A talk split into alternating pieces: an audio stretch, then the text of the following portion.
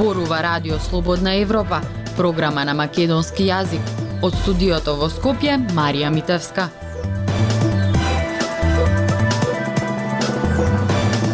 Почитувани во вестите ке слушате усвоени препораки за заедничко чествување на личности од средниот век и за подобрување на македонските и бугарските учебници по историја.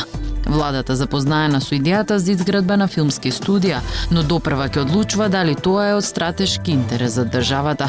Една година од доаѓањето на власт на талибанците во Афганистан. Останете со нас. Независни вести и анализи за иднината на Македонија. На Радио Слободна Европа и слободнаевропа.мк. Заедничката македонско-бугарска комисија за историски образовни прашања договорила заедничко чествување на Свети Кирил и Методи, Свети Климент, Свети Наоми, Цар Самуил, како и пет препораки подеднакво за македонските и за бугарските учебници. Повеќе од Пелагија Стојанчова. За нив е постигнат заеднички текст што треба да важи и за македонската и за бугарската страна. Тие препораки им се испратени на владите. Тие треба честувањето на овие личности да го прават заедно и да се нагласи значењето на Кирил и Методи и на Климент и Наум за ширењето на христијанската култура и за писменост. За цар Самуел во препораките пишува дека е владетел на голема средновековна држава, која што поголемиот дел од современата историска наука ја смета за бугарско царство со центар во територијата на на денешна Република Северна Македонија. Препораките за учебниците по пет за секоја страна се однесуваат на недоследности, фактографски грешки и историска географија во нив. Двете страни се согласиле дека има проблеми во учебниците кои се однесуваат на античката историја. И во двете земји во учебниците има престава за континуитет на нацијата од антиката до сега. Потоа собствениот народ се представува како најстар народ и во двете држави се игнорира останатата античка култура на Балканот односно културата на соседите. Ко преседавачот на Македонско-Бугарската комисија Драги Георгиев на брифинг со новинарите вели дека сакаат преку учебниците да ги намалат поделбите и омразата што се создава кај младите што учат од тие книги. Комисијата за овие личности за учебниците се договорила во 2019. Но сега Министерството за надворешни работи ги објави за да го испочитува рокот од протоколот кој предвидува до 17 август да бидат објавени постигнувањата на заедничката комисија. Протоколот меѓу Скопје и Софија беше подпишан на 17 јули во Бугарија.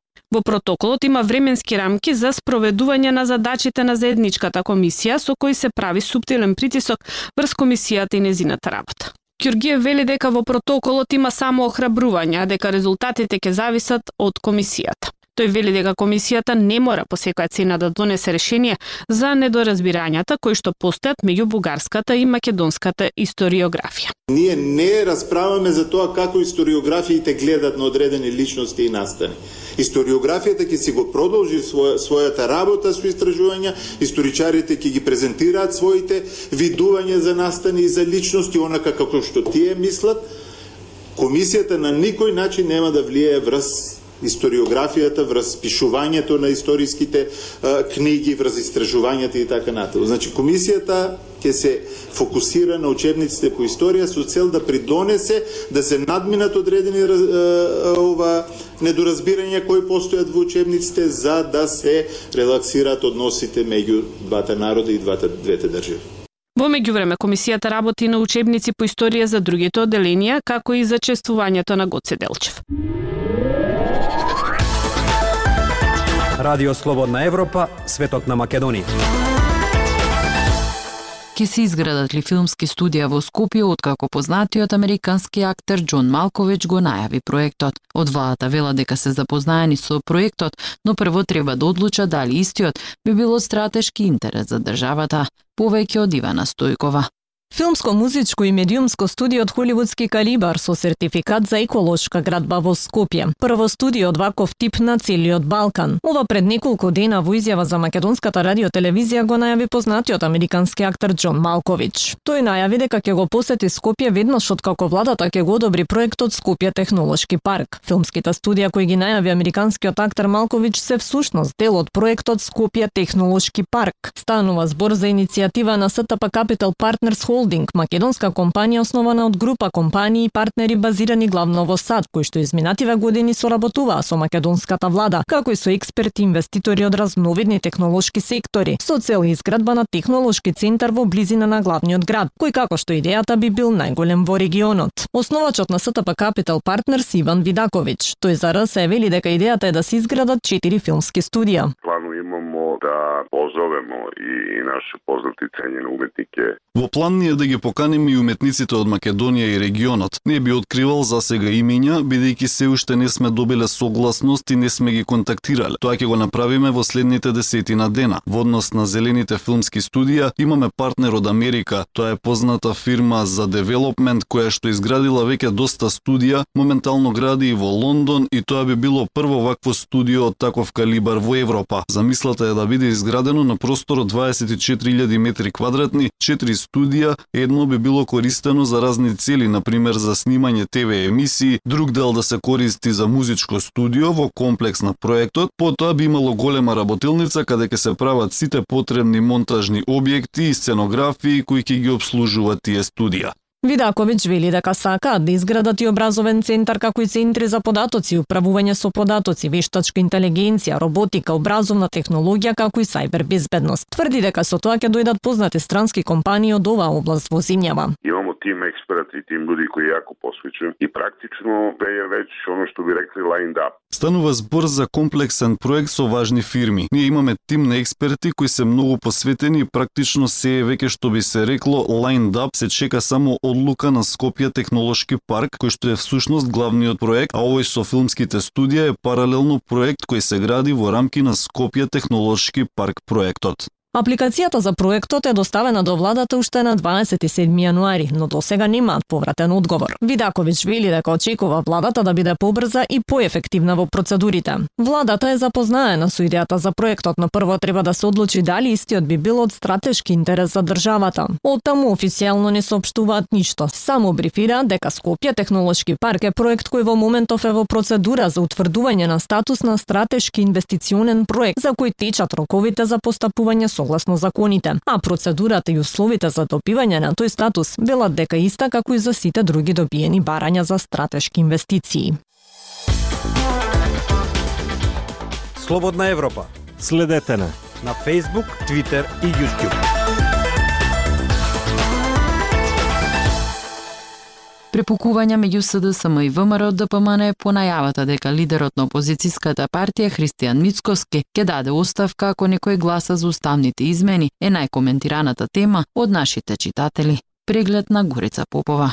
Летните горештини траат, па и летните одмори. Политичките аналитичари предвидуваа жешка политичка есен, но се чини ништо не може да ги запре препукувањата меѓу најголемата опозицијска партија и владеачката партија СДСМ и во летно време. Откако председателот на ВМРО ДПМН е Христијан Мицкоски изјави дека ако некој од неговите пратеници гласа за промена на уставот, тој ќе си замине од политиката. Од СДСМ реакција. Мицкоски може веднаш да се си даде оставка па и на нашата Facebook страница во обичаените реакции про и контра во зависност кој е симпатизер или член на една од партиите. Зоран Тутарков реагира против СДСМ со објавата пак ли некој фативте на нишан. Драган Бошков пак се исчудува.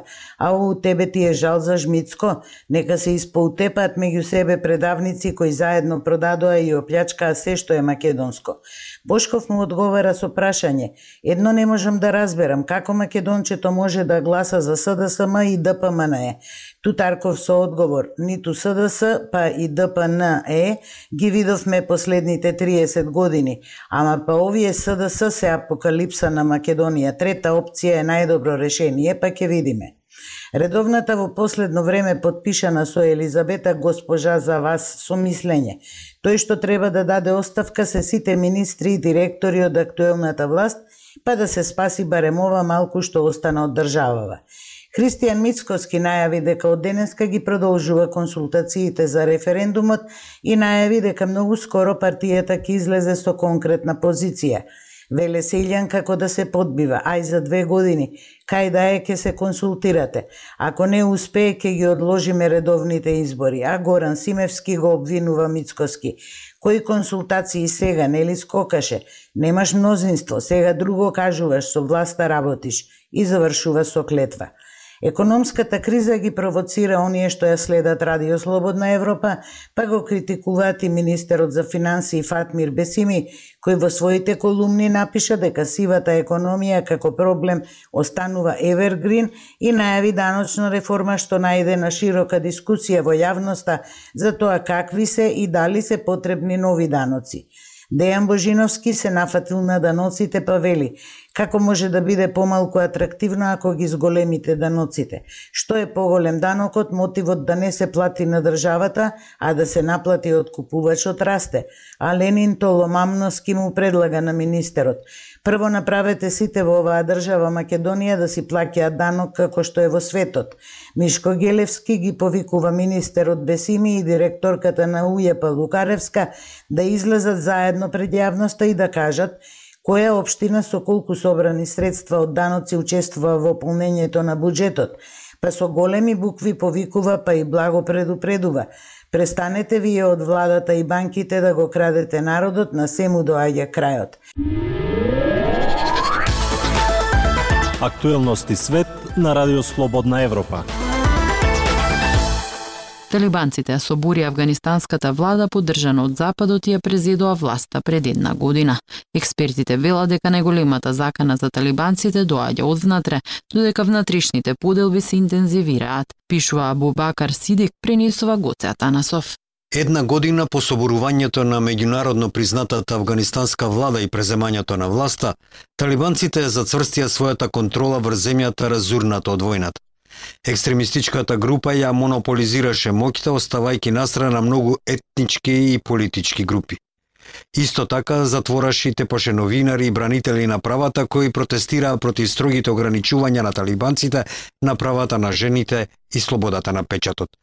Малиот, иако одржлив отпор кон талибанското владење, не успеа да направи значителен напредок. Во меѓувреме, милитантите вода крвава војна против ривалската екстремистичка група Исламска држава Хорасан. Компанијата на талибанците ја затапи, но не ја порази Исламската држава, која продолжи да организира смртоности бомбашки напади во големите градови. Експертите велат дека најголемата закана за талибанците е растечкото на единство. Раздорот се прошири додека ривалските франци се расправаат за политичка моќ и економски ресурси. Ниту една земја не ги призна талибанците, но западните сили кои сакаат да ги омекнат незините сурови политики и да спречат хуманитарна катастрофа во Афганистан, продолжија со диалогот со екстремистичката група.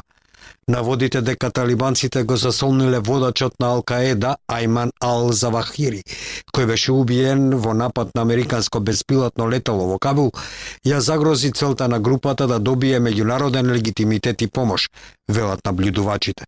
За талибанците многу е голема работа што нивната сегашна влада е единствениот режим во изминатата 4 деценијска историја на Афганистан што ја контролира целата земја. Вели Сами и Юсафзај, афганистански новинар и коментатор кој ги следи талибанците од нивната појава во 90-тите години територијалната доминација на талибанците, рече тој, најверојатно ќе спречи граѓанска војна, кога соседните земји ги вооружија ривалските афганистански франци, кои секој од нив се држеше во различни делови на земјата. Неколку мали вооружени групи се спротиставија на владењето на талибанците во различни региони на земјата, но тие остануваат слаби, поделени и немаат светилиште или надворешна помош, велат експертите. Тие главно представуваат вознемираност, а не закана за талибанскиот режим, смета Марвин Вайнбаум, директор на студиите за Афганистан и Пакистан во аналитичкиот центар на Институтот за Блискиот Исток во Вашингтон. Експертите велат дека најголемата закана за талибанците се внатрешните подоби. Има се поголеми извештаи за внатрешни борби во милитантната група.